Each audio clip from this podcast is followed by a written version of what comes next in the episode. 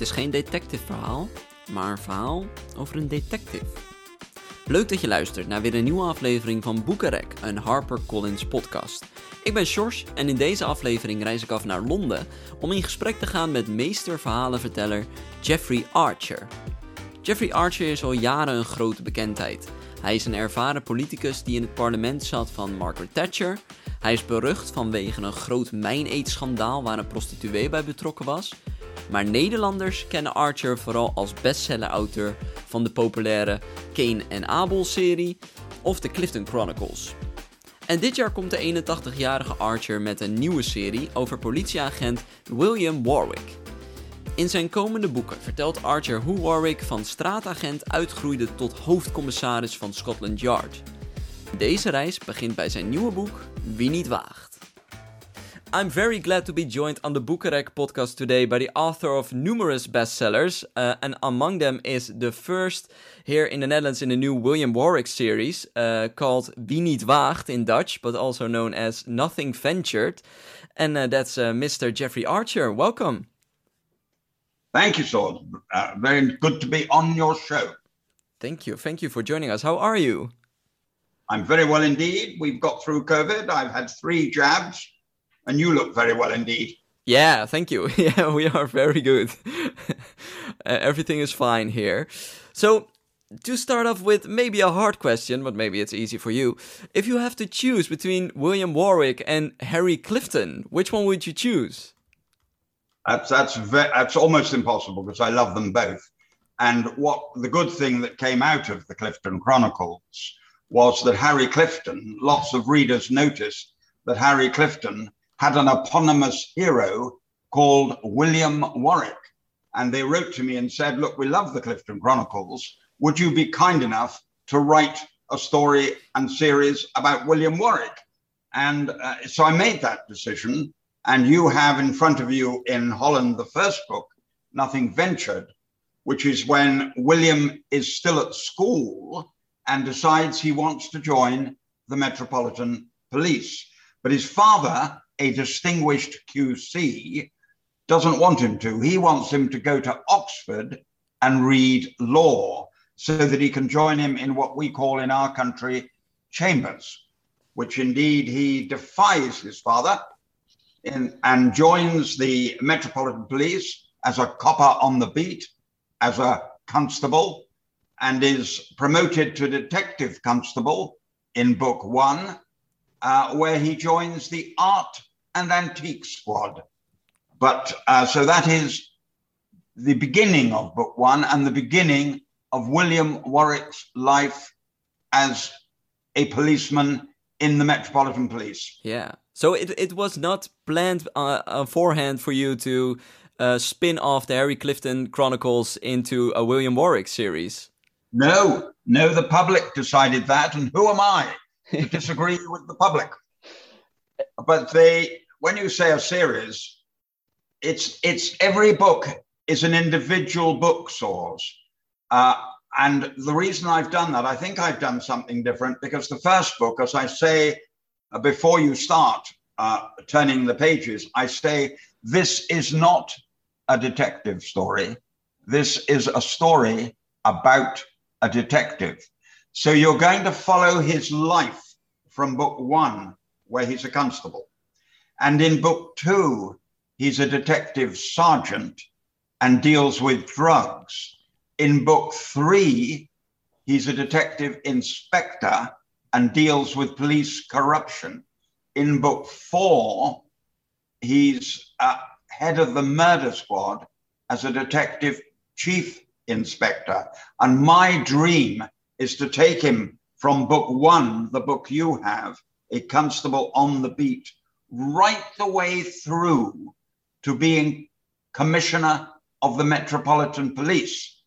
The problem is, Sjors, that I have to live to the age of 86 to make sure he becomes commissioner of the Metropolitan Police. Yeah. so how many books would that take, you think? That will take eight. He will Eight. go after, he will then go superintendent, chief superintendent, commander, commissioner. Oh wow. Wow. So, but but is it something you you have planned already that you think, okay, I, I want to end with him becoming commissioner? But uh, do you also have a, a, story arc planned, or is it just you see with every book uh, what yeah what brings what brings your story? Good question. The answer is that I know the subject of a book, like first one, Art Antiques, like the latest one, Murder, and I know I'm going on to protection of the royal family for book five, but I don't know the story. I'm, I know the subject, but not the story. So that when I finish the last book, I can spend several months thinking about William Warwick in his new rank, in his new crime. So uh, when I'd finished Nothing Ventured, I immediately started thinking about drugs and taking advice from the head of the drug squad who just retired from the Metropolitan Police. So research with people for me, Sjors, is very important. Yeah. I uh, have two people who are main researchers. I have uh, Chief Superintendent John Sutherland, who was head of the murder squad and had sadly to retire from the Metropolitan Police. He had a mental breakdown uh, what he described as one murder too many. And I have a detective sergeant, Michelle Roycroft, who worked in the drug squad for 30 years, also retired. And these two advised me. So after I've done three or four drafts of a William Warwick, they get it and they tell me what just couldn't be, having had between them 50 years in the Metropolitan Police they say, You can't do that, Jeffrey. We can do that. You could do that if you did that. And they show me what is sensible and practical and make sure that I don't get letters saying, You clearly haven't done your research. well, that's that's a good thing. And the you always see that writers uh, put something of themselves in one of their characters. Would you say uh, Harry Clifton is more Jeffrey Archer or William Warwick is more Jeffrey Archer? I think uh, Harry Clifton is yeah. more Jeffrey Archer. I think William Warwick is more uh, Superintendent John Sutherland. Okay. Who is a very fine man, a very Christian, fine gentleman. And I I think I've based William Warwick more on him, though I confess Harry Clifton, I would like to believe Harry Clifton is based on me. so, so another hard question to get into Nothing Ventured. Um, who is your favorite Dutch painter? Oh, gosh, that's a tricky one. Now, I'll tell you why. I mean, obviously, I love Rembrandt. Obviously, I love Vermeer. Who doesn't? These yeah. are two of the greatest artists the world has ever known. But I have to admit that Steen, if that's the correct pronunciation, mm. I call the storyteller of painters, in my view, is right up there with them. And I think possibly we're beginning to acknowledge that Frans Hals may be up there as well. So my love of the Dutch paintings is not for discussion. In fact, when Mary and I recently went to St. Petersburg for the fourth time, we made the decision when visiting the, the uh, Hermitage, we made the decision that we would only go to the Dutch collection. I mean, it's arguably, it's arguably the greatest gallery on earth but uh, their Dutch collection is second only to the Rijks.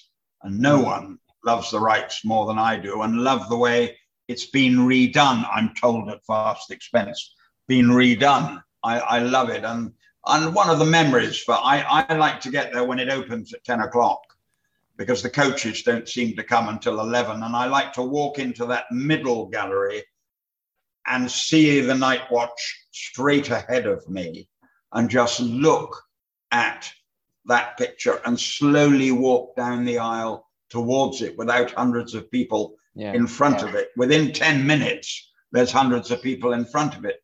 But I actually think if you stand in front of it, the picture on the left of the burghers all mm. having their snooty discussion, and what a snooty lot they look. But what a wonderful picture. What a wonderful picture. I'm a, a huge admirer uh, of Rembrandt, of course I am.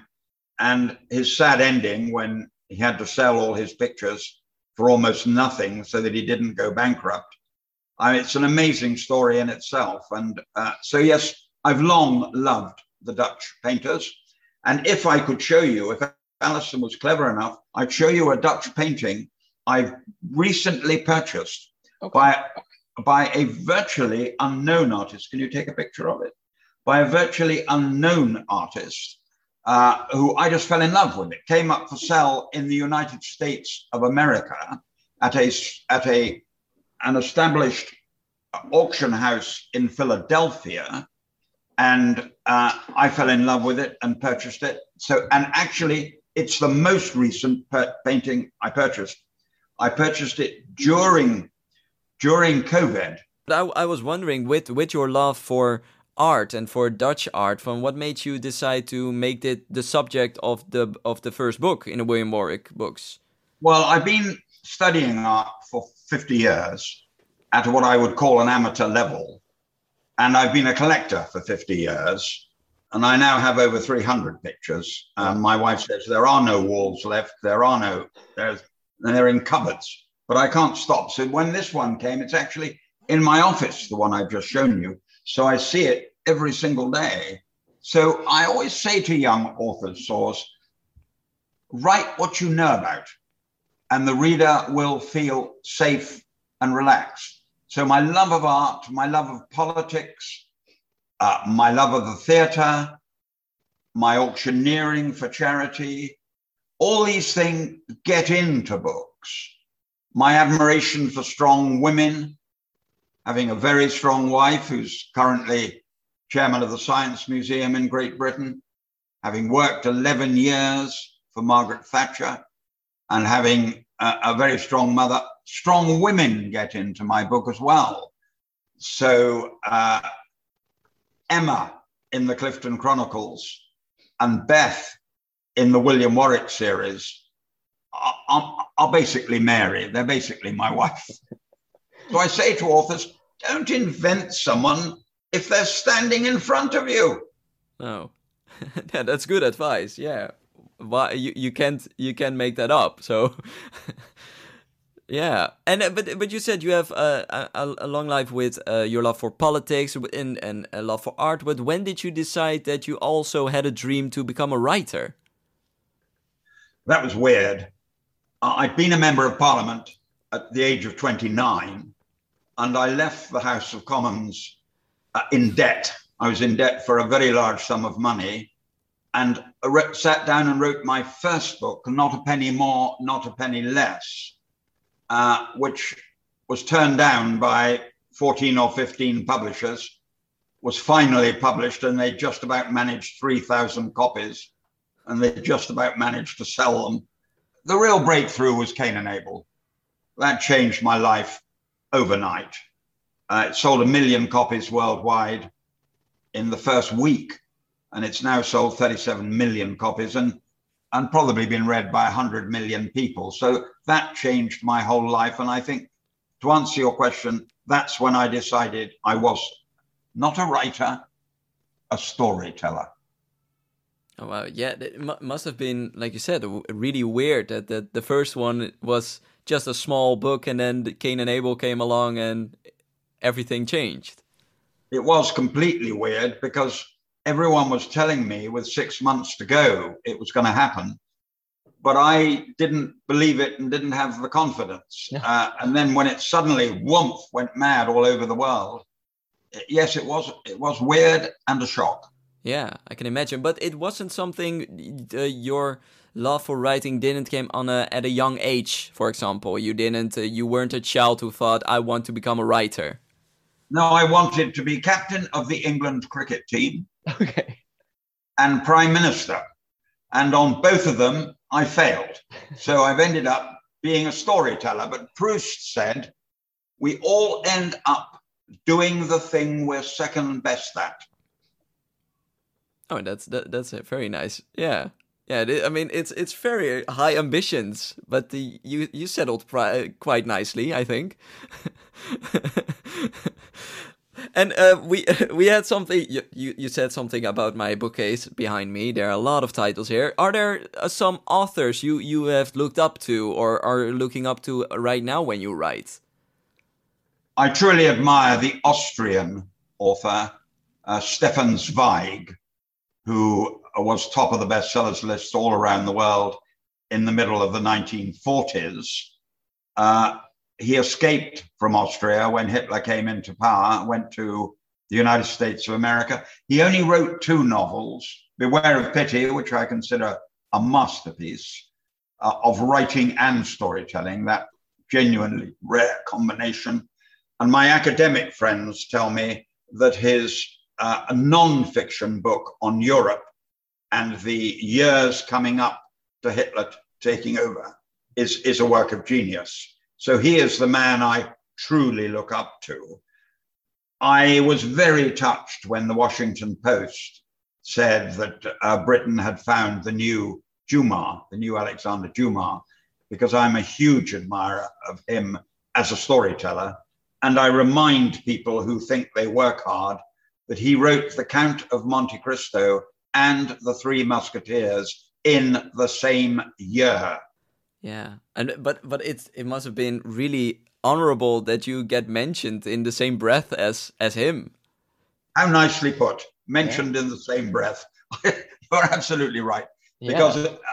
Uh, Monte Cristo is one of the great stories of all time. I tried to rewrite it because, of course, you'll know, Sjors, that it's over 2,000 pages. Yeah, I have it here, the, the, the letter edition. Yeah, for a modern edition, it's for a modern person with all the things that are distracting them every day of the week, 2,000 pages is long. So I wrote a book called A Prisoner of Birth, which is my attempt to write The Count of Monte Cristo in 600 pages. But the inspiration of the story was unquestionably his genius. Yeah. Yeah, it's it's really weird. Those, like you said, those books would, if you write it these days, they won't be a, that much of a hit. They were back then uh, they wouldn't consider a classic. Sadly not. If you look at War and Peace, you look at Dr. Zhivago, yeah. You look at many of the, the books of 100 years ago, uh, even Bleak House by Charles Dickens, they're a thousand pages because there was no television, there was no radio, there was no telephone, there were no telephones, there was no interruptions in everyday life. So people could sit down and read a book for a week, two weeks, and enjoy it. Nowadays, if you ask someone to read your book, an author should be very flattered because it takes six hours to read a book. Uh, it, it, takes 30 minutes to watch something on television. It takes two hours to watch a film. You can go and watch a football match for a couple of hours. So when you're asking someone to give six hours of their life, it's very flattering. And it's even more flattering when they come back and buy all the books. they want more. But uh, do do you aspire to to write a book like that, like a thousand pages or more, or do you think I'm uh, more with the 500, 600 page books? No, I do not aspire to write a thousand page book. Kane and Abel, I think, is 625. Whereas the book you have, we are discussing today, Nothing Ventured, the first of the William Warwicks, is about 350. And I think 350 to 400 is now what the public want. And it, I've got lucky in that it suits me as well. It's the length that suits me. So, uh, but I think if I'd been born 600 years ago, I'd have been happy to write a thousand page book because I wouldn't have had any distraction. No. no, exactly. So, uh, uh, for my final question before I let you go, um, maybe it's a hard one again. Um, if you could go back in time, you have had this amazing life with all the love you had for politics, for art, for writing. But if you could go back to your 18 year old self, what advice would you give him? I don't want to get there too quickly. I became a member of parliament at the age of 29 which was unquestionably the first mistake I made. It was too, I was too young, and I started making a fool of myself, and I started believing everything I did was brilliant, and I was bound to reach the top. It's much wiser to take it more slowly. My wife, for example, uh, after leaving Oxford, first taught first taught at Oxford and then at Cambridge, but became chairman of the Cambridge University Hospital at the age of 55, which was, you know, she was ready then to chair a great organization. She then moved on to, she's now chairman of the Science Museum, which she didn't take on until her 60s. And the university has just asked her to build a children's hospital for uh, the mind and the body. It will be the first hospital ever for the mind and the body. And she's over 70. So I think the answer to your question is to say to young people, don't be in too much of a hurry. It's a long life, and you lot who are only 18, the age you chose, Sjors, will all live to 100. So take your time. Thank you. Well, Jeffrey Archer, it's been a pleasure and honor to talk to you. And I aspire everyone to to read Nothing Ventured, Wie niet waagt, here in the Netherlands, and uh, continue this series with William Warwick because they're amazing, they're great, and really fun. So thank you. Thank you very much, Swords, for having me on your show. Dit is een man waar je echt uren naar kan luisteren, toch? Al het over politiek, kunst of zijn boeken, je raakt niet uitgepraat. Ben je ook benieuwd geworden naar het werk van Archer? Wie niet waagt, het eerste deel in de nieuwe William Warwick-serie is vanaf 25 januari overal verkrijgbaar. En wees er snel bij, want het tweede deel in de serie verschijnt al later dit jaar. En dat was het weer voor deze aflevering van de Boekenrek podcast. Volgende week spreek ik met bestseller-auteur Heather Morris over haar indrukwekkende boeken De tatoeëerder van Auschwitz, Het meisje dat twee kampen overleefde en haar nieuwe boek De drie zussen van Auschwitz. Mis dit dus niet. Voor nu wens ik je nog een hele fijne dag, blijf gezond en blijf vooral lekker lezen. Tot de volgende keer.